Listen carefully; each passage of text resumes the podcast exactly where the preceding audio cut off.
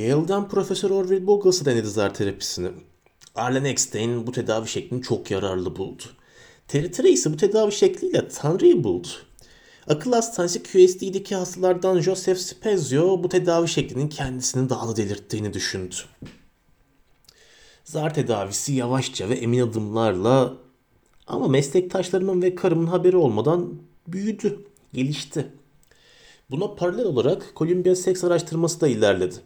Birbirlerinden habersiz olarak lezbiyen ilişkiye girme talimatı alan iki Bernard Üniversitesi kız öğrencisi kadın dekana şikayette bulundular ve dekan soruşturma açtırdı.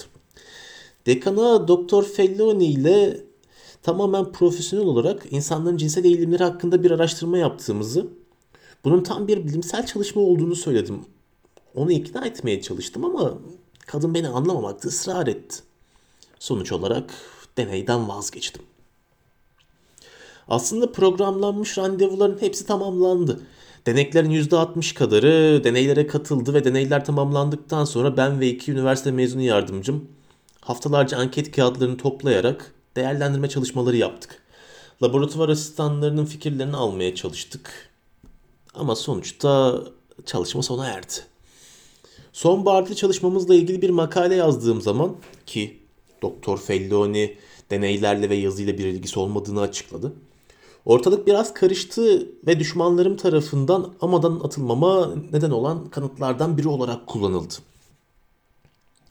Deneklerden çoğu çalışmalara katıldıkları için sevindiklerini söylediler ama içlerinden bazıları hasalanır gibi oldu. Olaylar tam olarak sona erdikten yaklaşık 10 gün sonra Doktor Felloni'nin bir hastasını tedavi etmemi isteyen bir talep geldi. Bayan Vigliota adındaki bu hanım bizim araştırmamıza katılmış ama çalışmalar yüzünden sinirleri bozulmuştu kendisini tedavi etmemi istiyordu. Ona bir randevu verdim. Ertesi gün ofisime giderek onu beklerken yeni zar uygulamaları konusunda bazı notlar almaya başladım. Ya randevu saatinde ofisime ufak tefek bir genç kız girdi.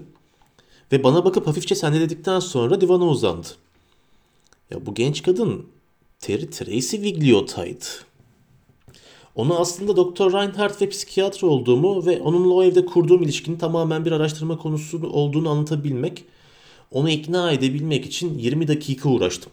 Terry sakinleştikten sonra bana neden tedavi için geldiğini söyledi. Divanın kenarına oturup kısa bacaklarını aşağı sarkıttığı zaman ayakları yere değmedi. Üzerindeki gri renkli kısa etekli elbiseyle iki haftadan az bir zaman önce bana geldiğinden daha sinirli, gergin görünüyordu. O gün ve ondan sonraki terapi seanslarında Terry benim yüzüme hemen hiç bakmadı. Odama girip çıkarken de gözleri hep yerdeydi. Terry benimle ve George'la birlikte geçirdiği o geceden sonra belli ki bir kişilik krizine girmişti. Ya onun benimle tarih hocası ve peder Forbes kimliğimle yaptığı temaslar sonucu Katolik inancında bazı değişimler olmuş. Yaşadığı cinsel deneyimden sonra Tanrı hakkında daha değişik şeyler düşünmeye başlamıştı. Artık Tanrı'nın kutsallığını pek umursamıyor. Erkeklerle gittikçe daha çok ilgileniyordu. Fakat önceki yaşantısında seksin şehvetin günah olduğu söylenmişti ona. Diğer yandan Rahip Forbes'un söylediğine göre kilise de hoşlanırdı seksten. Ya daha sonra Peder Forbes'un bir psikiyatr, bir bilim adamı, doktor olduğu anlaşılmıştı ama onlar da zevk alıyordu seksten.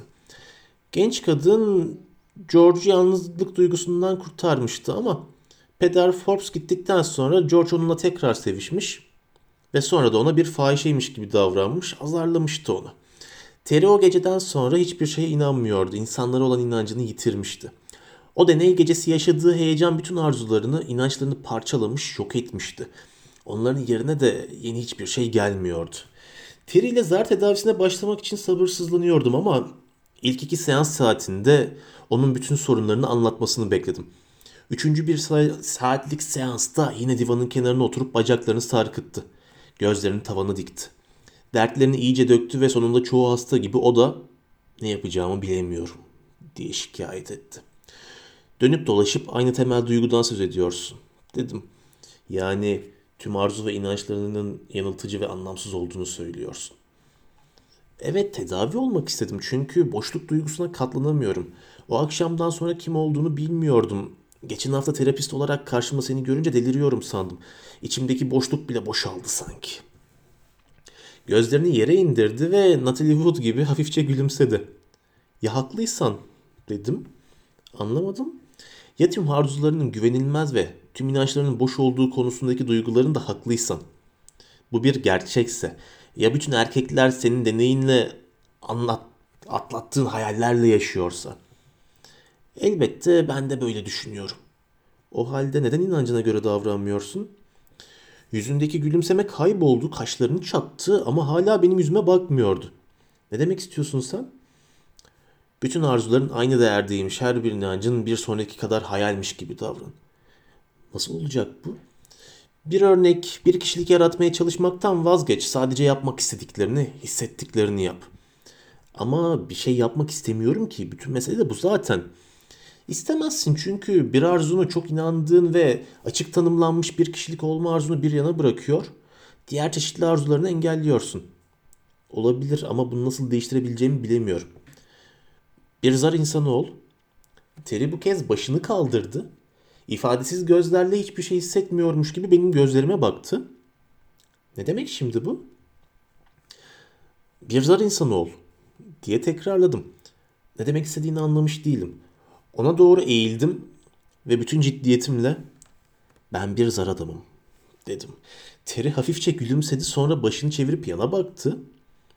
Neden söz ettiğini bir türlü anlayamıyorum. Bütün arzularının bir sonrakine kadar kendince ihtiyari, anlamsız ve önemsiz olduğuna inanıyorsun, değil mi? Evet. Bir anlamda yaptıklarınla yapmadıkların arasında hiçbir fark olmadığını düşünüyorsun, değil mi? Evet, tamamen öyle. O zaman neden zar atıp onların yani şansın senin yerine karar vermesini denemiyorsun? Başını kaldırıp yine yukarı baktı ve sonra sen bunun için mi durmadan kimlik değiştiriyor ve garip davranıyorsun diye sordu. Eh bir, biraz da o nedenle diyebilirim. Yani yani hayatın akışını ikizlerin kararlarına mı bıraktın? Belirli sınırlar içinde evet. Nasıl yapıyorsun bunu peki? Terry'nin gözleri ilk kez parladı ve bacaklarını divanın kenarında sallayarak seçenekli ve kararı zarlara bırakan zar adam yaşantımı kısaca anlatırken büyük bir dikkatle dinledi beni. Konuşmam sonra, sona erince bir süre boşluğa baktı ve sonunda Tanrım diye mırıldandı. Çok güzel bir şey bu. Önce tarih hocası, sonra peder Forbes, sonra bir aşık, bir muhabbet tellalı, bir psikiyatr oldun. Ve şimdi de bir zar adamsın. Bu söylediği çok hoşuma gitti ve gülmeye başladım. Aslında samimi kamera için çalışıyorum ben dedim. O da iki dakika kadar kıkır kıkır güldü. Sonra durdu ve cebinden bir mendil çıkarıp gözlerindeki yaşları sildi. Bir süre sessizce bana baktı. Alt dudağını ısırdı ve hafif bir sesle Sanırım ben de bir zar kadın olmayı deneyebilirim dedi. Senin için çok iyi olur dedim. Şimdiki halimden daha kötü olamam ya. İşte böyle düşünmelisin. Aslında başlangıçta Terry ile bir yere varamadık. Zarların kararlarına uyma konusunda ilgisiz ve kuşkuluydu. Düşüncesizce konuşuyordu. İlgisizliği yüzünden akla hayale gelmeyecek seçenekler söylüyor ya da ona daha açık, cesur olmasını söylediğimde Zara itaat etmiyordu. Terry ancak iki hafta kadar sonra zarlı yaşama inanmaya, güvenmeye başladı. Sorunun özüne inen de kendisi oldu. Bir gün seans sırasında şey hiç rahat değilim. İnanmakta zorluk çekiyorum bu zar işine diye söylendi. Ona hafif bir sesle biliyorum diye cevap verdim. Zar yaşamı dine inanmakla ilgilidir. Bir süre hiç konuşmadı ve derin düşüncelere daldı. Sonra başını kaldırdı. Evet peder dedi ve tatlı bir gülümsemeyle yüzüme baktı. Ya ben de gülümsedim ve sağlıklı bir şüphecilik gerçek dinin gerekli bir parçasıdır dedim. Yine gülümsedi. Evet peder dedi. Koltuğumda arkama yaslandım. Aramızdaki masanın üstüne bir zar attım. Ve belki de sana öğüt vermeliyim dedim. Zar bana vaaz ya da öğüt vermemi söyledi. Kaşlarımı çattım. Ben ne yapacağımı düşünürken Terry, seni dinliyorum dedi. Ciddi bir ifadeyle ona baktım ve bu sözüm bir peder Forbes sözüne benzeyecek belki dedim. Ama ben kim oluyorum da zarın arzusunu sorguluyorum. Ne diyor İsa? Kendini kurtarmak için yine kendini kaybetmelisin. Ruhen fakir olmak için kişisel dünyevi arzularından vazgeçmelisin. Kişisel arzuların zarın verdiği karara bırakarak kutsal kitapta feragat etmek, fedakarlık hakkında yazılanları uygulamış oluyorsun. Terry söylediklerimden bir şey anlamamış gibi boş gözlerle yüzüme baktı. Görüyorsun işte diye devam ettim. Sadece bencilce olmayan hareket kişi tarafından dikte edilmemiş olandır. Genç kadın kaşlarını çattı. Söylediklerimi anlamaya çalışıyordu. Anlamakta güçlük çekebilirsin tabii diye devam ettim konuşmama. Zarların emrini dinlemek de bencillik olabilir ama bana göre kilise günahkarlığın üstesinden kendi gayretlerimizle gelmemizi ister. Uzandım ve Terry'nin küçük ellerinden birini tuttum. Ya o anda gerçekten de samimi göründüğüme ve konuştuğuma inanıyordum. Beni dikkatle dinle Terry. Sana şimdi söyleyeceğim sözde dünyanın en büyük dininin bilgeliği, hikmeti vardır. Eğer bir insan günahlarından kendi iradesiyle kurtulabilirse kendi gururunu arttırmış olur ki İncil'e göre bile günahın temel taşıdır bu. İnsan ancak dış güçlerin desteğiyle günahların üstesinden gelirse kendi önemsizliğini anlayabilir. Sadece o zaman gurur bertaraf edilmiş olur. Bir birey olarak iyi şeyler yapmaya gayret ettiğin sürece ya hata yaparsın ve bunun sonucunda suç işlersin ya da gururlanırsın ki bu da kötülüğün temel şeklidir. Suç ya da gurur. Bunlar benliğin hediyeleridir. Tek kurtuluş yolu inanmaktır. iman etmektir. Terry, evet ama neye inanmak diye sordu. Elbette Tanrı'ya inanmak diye cevap verdim. Şaşkın gözlerle hiç konuşmadan uzun süre yüzüme baktı. Peki ama zarlara ne oldu diye sordu. Bak sana kutsal bir kitaptan bir bölüm okuyacağım. Dikkatle dinle deyip çekmecemden geliştirmekte olduğum zar teorisiyle ilgili notlarımı çıkardım ve aradığım bölümü bularak onu okumaya başladım. Gerçekte öğrettiğim zaman günaha girmiş olmuyorum. Kaza cenneti, masumiyet cenneti, gösteriş cenneti, talih cenneti her şeyin üstündedir. Şans en eski ilahi vasıftır ve dikkat et. Ben her şeyi amaç adı altında esaret bağlarından kurtarmaya, talih cennetinin kapılarını sana açmaya geldim. İnsan aklı amaç ve arzunun esiridir ama ben mantığın her zaman mümkün olmadığını öğrettiğimde onu kurtarıp ilahi kaza ve gösterişe vereceğim. Aslında biraz akıl mümkündür sadece işleri biraz karıştıracak kadar tabi. Ama her atomda, molekülde, maddede, bitkide, yaratık ya da yıldızda bulduğum bu kutsal kesinlik daha ziyade talih ayağında dans eder durur. Oh üzerimizdeki tertemiz ve yüksel, yüksel cennet. Şimdi amaca yönelik hiçbir edebi örümcek ve hiçbir mantıklı örümcek ağı olmadığını öğrendiğime göre sen benim için kutsal kazalar için bir dans pisti haline geldin. Kutsal zarlar ve zarcılar için kutsal bir masa oldun. Ama benim dinleyicilerimin yüzleri mi kızarıyor? Konuşulmayacak şeyler mi söylüyorum? Sizi kutsamak isterken küfür mü ediyorum? Notlarımı okuyup bitirdikten sonra okuyabileceğim başka bir şey olup olmadığını kontrol edip Terry'e baktım. Nereden çıktı bunlar? diye sordu. Zerdüşt'ten bunlar. Anlayabildin mi peki? Pek sanmıyorum ama yine de bazı yerlere hoşuma gitti diyebilirim. Fakat zarlara neden inanayım bilemiyorum doğrusu. Sanırım benim için de sorun burada. Tanrı yere düşen bütün serçeleri görür. Biliyorum. Bir zar Tanrı görmeden masaya atılabilir mi? Hayır sanmıyorum. Hazreti Eyüp kitabının büyük sonunu hatırlıyor musun? Tanrı bir kasırganın içinden konuşur ve Tanrı'nın yaptıklarını sorgulamayı nasıl düşündüğünü sorar Hazreti Eyüp'e. Orada Tanrı üç güzel ve uzun bölümde insanın derin cehaletini ve güçsüzlüğünü anlatır. Suçlar.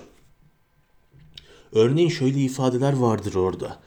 Ben dünyanın temelini atarken sen neredeydin? O rahimden fırlayıp çıkarken denizi kapılarla kim kapattı? Günlerin başladığından beri sabah emrini verdin mi?'' Ölümün kapıları açıklandı mı sana? Tanrı bütün bunları zavallı Hazreti Eyüp'e dünyanın en güzel şiiriyle anlatır. Açıklar ve sonunda Hazreti Eyüp'te şikayetçi olmakla, sorgulamakla hata yaptığının farkına varır. Anlar bunu. Onun Tanrı'ya son sözleri de şöyledir. Senin her şeye gücünün yettiğini, her şeyi yapabildiğini ve yaptığın hiçbir şeyin hiçbir zaman engellenemeyeceğini biliyorum Tanrım. Bu yüzden kendimi hakir görüyorum, tozlar ve küller içine tövbe ediyorum.'' Okuyacaklarım burada bitti ve Terry hiç konuşmadan uzun süre baktı bana. Sonra ben Tanrı her şeyi yapabilir diye devam ettim. Onun yapmak istediklerini hiçbir güç asla engelleyemez. Terry hafifçe başını salladı ve evet diye mırıldandı.